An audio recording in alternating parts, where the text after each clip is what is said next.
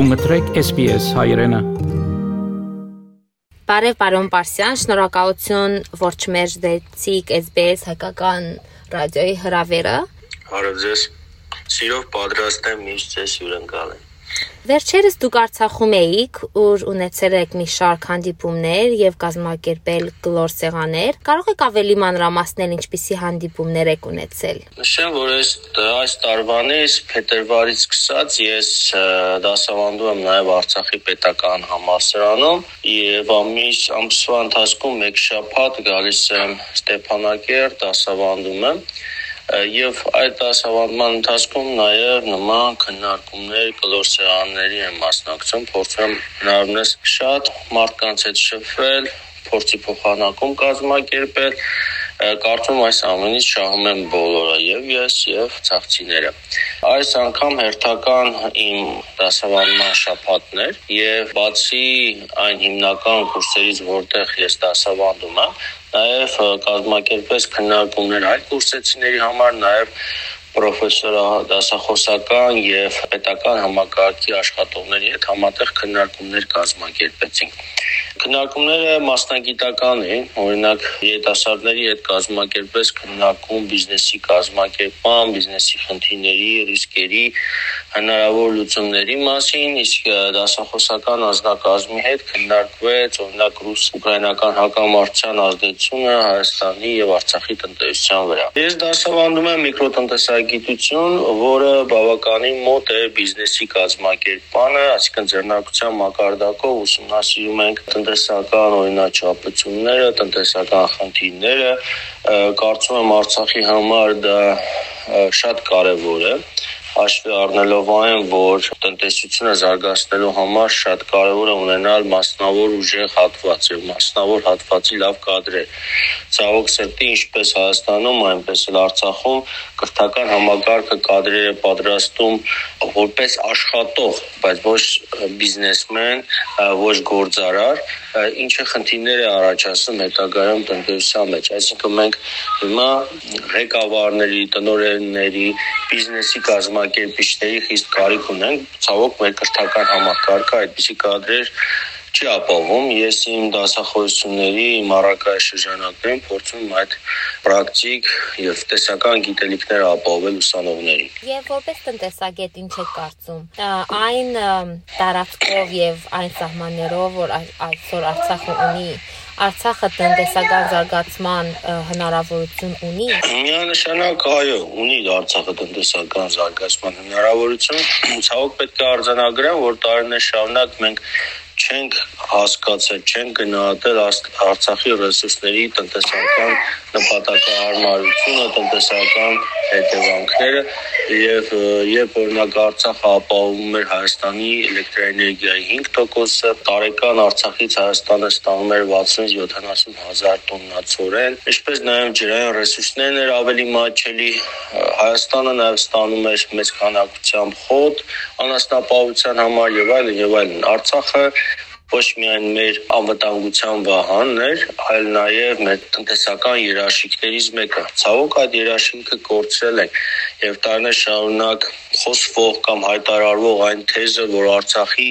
տարածքները հողերը զիջելով կարող ենք տնտեսական զարգացում ապրենք, փաստացի ապացուցվեց ճիշտ հակառակը, որ զիջումների գնով տնտեսություն երկիր չի կարող զարգանալ եւ ցավոք պետք է խոսենք որ մենք դա հասկացել ենք այդ ամենը կորցնելուց հետո ինչեւ է եղած տարածքները Արցախի իշխանության տակ մնացած տարածքները բավարար են որ ունենանք հզոր տնտեսություն ներառական զարգացող գյուղատնտեսություն, էներգետիկ համակարգ եւ այլն։ Սրա համար պետք է մեկտեղել Արցախի նյութական մտավոր ռեսուրսները մենք Արցախում գումարի փողի խնդիր չկա։ Արցախում խնդիր կա գաղափարների, կազմակերպման, փորձի, տեխնոլոգիաների, իսկ դա ապահովելու համար խիստ անհրաժեշտ է համախմբվել Հայաստան Սփյուռք եւ ապահովել այդ անհրաժեշտ մարդկային ռեսուրսները, տեխնոլոգիական ռեսուրսները։ Կան բազմաթիվ ճյուղեր, որտեղ Արցախը կարող է ունենալ լավ հաջողություններ հաշվի առնելով իր մարդկային ռեսուրսը, ինչպես նաև բնական պաշարները։ Մասնավորապես հանքարդյունաբերության դեպքում մենք Արցախի դերքը օգտագործում ենք զուտ հանքաքար արդյունահանելով հարցնահանելու եւ արտահանելու նպատակով այն դեպքում, երբ որ կարող ենք պղինձը օգտագործել վերջնական արտադրանք ստանալու համար։ Այստեղ պետք է մտածել այնպիսի արտադրություններ, որոնք որոնց ընթացքում կօգտագործի պղինձը։ Եվ այդտեղ դրա համար պետք է բնականաբար տեխնոլոգիաներ, մարդուժ եւ այլն։ Եվ նաեւ գյուղատնտեսությունը Արցախը տարիներ շարունակ ունեցել է բավականին հզոր գյուղատնտեսություն։ Այս պահին գյուղատնտեսական նշանակության հողերի մեծ մասը դարձյալ չի շահագործվում, ինչը անհասկանալի եւ անընդունելի, հաշվի առնելով ստեղծված իրողությունները։ Կարծում եմ այստեղ նաեւ մեծ անելիք ունի Հայաստանը, որը պետք է հստակ պատվերներ իջեցնի Արցախի տնտեսության համար այս կամ այն մթերքի արտադրության եւ մատակարարման համար։ Մի կարևոր նաև գործոն եմ ցանկանում նշել, որ Արցախահայությունը, հատկապես Արցախի ուսանողությունը աչքի են ընկնում բավականին բարձր մաթեմատիկական գիտելիքներով։ Ես դասավանդում եմ եւ Հայաստանում եւ Արցախում եւ կարող եմ այդպիսի համեմատություն անել եւ այդ մաթեմատիկական, ինժեներական գիտելիքներն ու մտածելակերպը կարող է օգտագործվել բարձր տեխնոլոգիաների ոլորտում։ Մենք այդ հմտություններն ու գիտելիքները ցավոք չեն կարողանում այս պայդրությամբ զարգացնել Արցախում։ Եվ պետք է մտածել դրա մասին, հաշվի առնելով նաև այն, որ Արցախը տրանսպորտային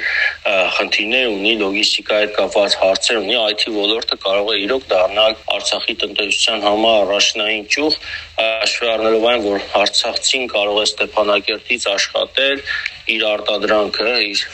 ծրագրերը, իր լուծումները վաճառել ամբողջ աշխարհին։ Այս հնարավորությունը Արցախի զարգացման հիմնական ուղղություն պետք է դիտարկել, կատ ունենալով եւ բնական ստեյության իրավիճակը եւ մարդկային այն գործոնները, որոնք կան եւ նաեւ ժամանակակից տեխնոլոգիաները եւ այլն։ Հայաստանում եւ հետեւաբար Արցախում գնաճը շարունակվում է, որոնք իհարկե մի շարք պատճառներ ունեն։ Որոշ մթերքներ միջև 50%-ով աճել են գինը։ Ինչ է կանխատեսում առաջիկայում։ Նախնշեմ, որ 2021 թվականը աննախադեպ գնաճային տարի էր ամբողջ աշխարհում։ Բարձր գնաճեր ծնագրվեցին Ամերիկայի Միացյալ Նահանգներում, Եվրոպայում, Իդեպ վերջին 40 տարվա ընթացքում 7%-անոց գնաճ Ամերիկայի Միացյալ Նահանգներում չէր գրանցվել։ Հայաստանում գնաճը կազմում է 7.2% 2021 թվականին։ Այդ գնաճը շարունակվում է նաև այս տարվա ընթացքում եւ Հայաստանի գնաճից ուղիղ կախվածություն ունի նաեւ Արցախի տնտեսությունը, Արցախի ապրանքների գները։ Այս պահի հունվար մարտ ամիսներին գնաճը կազմում է 6.8%, իսկ միայն սննդամթերքի գնաճը Հայաստանում կազմում է 11.8%։ Սա բավականին բարձր գնաճ է, այսինքն մենք երկնիշ գնաճ ունենք եւ հաշվի առնելով այս տարվա կանխատեսումները եւ բերքատվության ցածր մակարդակը միջև ռուս-ուկրաինական հակամարտությունը արդեն կանխատեսվում էր բարենամթերքի բարձր գնաճ Հիմա այս ռուս-ուկրաինական հակամարտությունը էլ ավելի է խորացրել գնաճային սպասումներն ու միտումները, քանի որ նակ Ուկրաինան եւ Ռուսաստանը Ռուսաստանը ապահովում են ծորենի արտահանման մոտ համաշխարհային ծորենի արտահանման մոտ 1/3-ը կամ օրինակ բուսական յուղի 90%-ը, պարտանյութերի 30-ից 40%-ն է Ռուսաստանը ապահովում աշխարհում եւ այլն։ Այսինքն սրանք ուղակի ազդեցություն են թողնելու համաշխարհային շուկայում բարենային ապրանքների գների վրա։ Դա լինի Հայաստանում, Ավստրալիայում, Արցախում, թե Ամերիկայի Միացյալ Նահանգներում։ Հայաստանը եւ Արցախը բարենի դեֆիցիտ չի ունենալու, հաշվի առնելով այն, որ ռուսական կողմը կամ ռուսական տնտեսությունը պատրաստ է բարենամթերք արտահանել դեպի Հայաստան օրինակ Եվրոպա, Եվրոմիության եւ այլ երկրների նկատմամբ Ռուսաստանը սահմանափակել է ծորենի, բուսական յուղի, շաքարավազի եւ առաջին այլ անհրաժեշտության ապրանքների արտանումը։ Հայաստանի դեպքում չկա նման սահմանափակում։ Այսինքն Հայաստանը եւ Արցախը կարող են բավարար քանակությամբ բարեններ կրել, բայց այդ բարենի գները անշուշտ լինելու են բավականին բարձր։ Որպեսզի նվազեցնենք այդ բարենի գները, մենք պետք է տեղական արտադրությունը խրախուսենք գյուղմթերքի ծավալները ավելացնենք եւ Արցախում եւ Հայաստանում։ Այս պայի դրությամբ պետք է արձանագրենք, որ մեր գյուղ ոլորտը բավականին դանդաղում է եւ իհեճուկս կառավարության մի շարք ծրագրերի գյուղատնտեսության ոլորտը շարունակում է անկումներ գրանցել մասնավորապես 2021-ին Հայաստանի գյուղատնտեսության ոլորտը 1% անկում է գրանցել։ Արցախի դեպքում բնականաբար անկումը կլինի հաշվի առնելով պատերազմական գործողությունների արդյունքում հողերի կորուստը, բայց Հայաստանի դեպքում այդ անկումը բավականին անսպասելի էր եւ հիմա պետք է նշենք որ մենք ուղակի կախվածություն ունենք Ռուսաստանից բարենի ներկրումից ծորենի, հավի մսի, ռուսական յուղի, գազավարի եւ այլ առաջին անհրաժեշտության ապրանքների մասով Այսինքն այս տարվա համար մենք պետք է սպասենք բավականին բարձր երկնիշ գնաճ եւ գնաճը շարունակվելու է հատկապես բարենամտերքի շուկայում։ Ուրիշ ինչ ռիսկեր կան, եթե թե ռուս-ուկրաինական պատերազմը շարունակվի մի քանի ամիս կամ տարիներ։ Ակնհայտ է, որ այս ռուս-ուկրաինական հակամարտությունը չի դադարելու 1-2 ամսից։ Սա բավականին երկար կարող է տևել, իսկ տնտեսական պատժամիջոցների պատերազմը կարող են տևել տարիներ։ Հետևաբար Հայաստանի տնտեսությունը, Արցախի տնտեսությունը գտնվելու են շարունակական տնտեսական ցնցումների տակ։ Արդեն իսկ Ռուսաստանից եկող առաջին ցնցումների ալիքները Հայաստանն եւ Արցախը զգացել են մասնապես ռուբլու արժեզրկման տեսքով, երբ որ ռուբլին արժեզրկվեց, սրա արդյունքում արտահանումը կտրուկ նվազեց Հայաստանի դեպի Ռուսաստան։ Հիշեցնեմ, որ 2021-ին Հայաստանից արտահանվել է Ռուսաստան մոտ 845 միլիոն դոլարի ապրանք, որի 60%-ը ռուբլով է արտահանվել։ Ռուբլու արժեզրկման հետևանքով Հայաստանից արտահանվող ապրանքները դառնում են ոչ մրցունակ։ Հիմա Հայաստանից արտահանողները կամ պետք է դադարեցնեն արտահանումը, կամ պետք է ռուսական շուկայում բարձրացնեն իրենց ապրանքի գինը կամ որոշակի ժամանակ վնասներ կրեն ստեղծված ռուբլու փոխարժեքի պայմաններում։ Այս պայդրությամբ մեր արտահանողները նախընտրել են դադարեցնել իրենց տանումը դեպի Ռուսաստան, ինչի արդյունքում մեր արտանումը մարտ մարտ ամսվա կտրվածքով գնահատվում է մոտ -30%։ Այսինքն այդ -30%-ով արտահանումը կրճատվել է նախնական տվյալներով։ Եթե չկարողանանք լուծել ռուբլու փոխարժեքի հետ կապված ռիսկերը, ապա այս տարի դեպի Ռուսաստան արտահանումը կնվազի, իսկ արտա դեպի Ռուսաստան արտահանումը կազմում է Հայաստանի ամբողջ արտահանման մոտ 28%-ը։ Սա բավականին լուրջ թիվ է Հայաստանի համար եւ Արցախի համար։ Իդեպ Արցախի մթերքների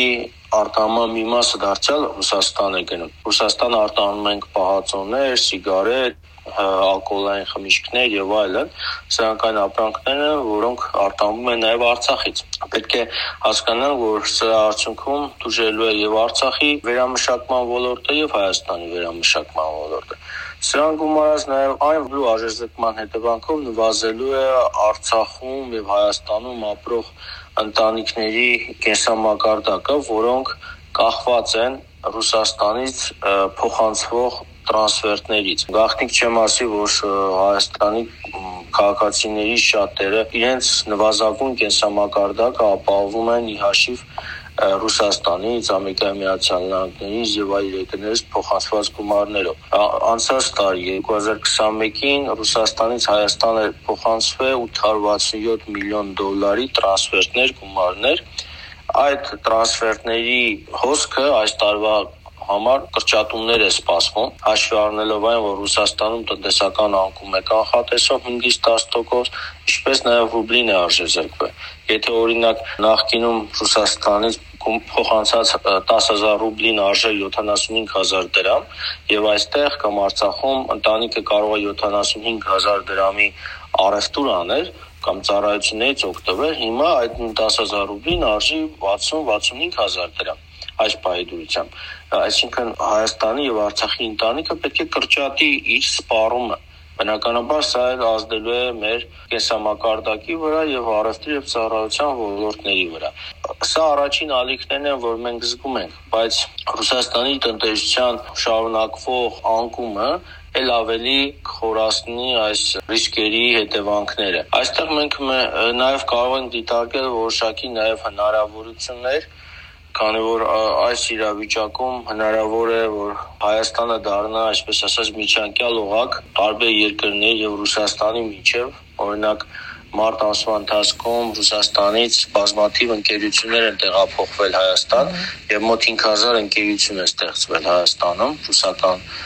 կապիտալով փոքր ընկերություններ են հիմնականում IT ընկերություններ են որոնց նպատակն է միջնորդ դառնալ Հայաստան, Ամերիկայի Միացյալ Նահանգներ, Հայաստան